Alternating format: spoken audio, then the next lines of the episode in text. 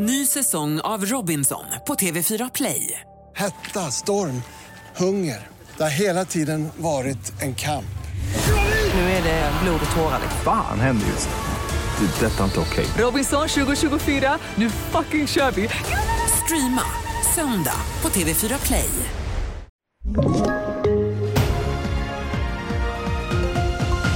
Beordrade barn att mörda får nu långt fängelsestraff. Prigozjin kan ha landat i Minsk och villkorlig Dieselgate-dom handlar om i TV4-nyheterna. En 20-årig man får 18 års fängelse för inblandning i grova våldsbrott tre dagar i följd i södra Stockholm i januari. Han ska på uppdrag av den så kallade kurdiska räven ha fått 14 och 15-åriga pojkar att utföra de här dåden. Det sköts in i en lägenhet i Fruängen, en man blev beskjuten utomhus i Enskededalen och den tredje dagen så avbröts en planerad skjutning. Ingen träffades av skott vid något av tillfällena.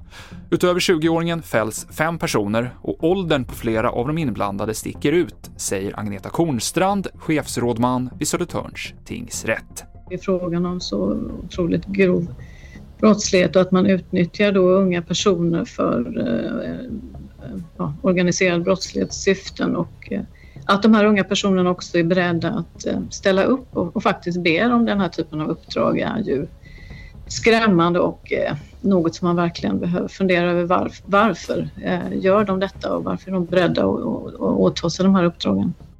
Den ryska säkerhetstjänsten FSBs utredning av Wagnerchefen Yevgeni Prigozjin och hans soldater läggs ner, rapporterar statliga ryska medier. Igår uppgavs det att utredningen fortfarande pågick trots den uppgörelse som Prigozjin och Kreml sades ha nått under helgen när Wagnergruppen avbröt sin marsch mot Moskva. Enligt den här uppgörelsen skulle Prigozjin också få fri lejd till Belarus och nu så har ett privatplan som kopplats till Prigozjin landat i huvudstaden Minsk, rapporterar BBC. Och den tidigare vdn för Audi, Rupert Stadler, döms till ett villkorligt fängelsestraff för sin inblandning i Dieselgate. Han ska också betala böter på närmare 13 miljoner kronor. Dieselgate drog igång 2015 när det avslöjades att Volkswagen installerat programvara i miljontals bilar så att de gav falska utsläppsresultat vid testning. Och under rättegången så medgav Stadler att han tillåtit att samma sak gjordes med Audi-bilar. Fler nyheter finns på tv4.se.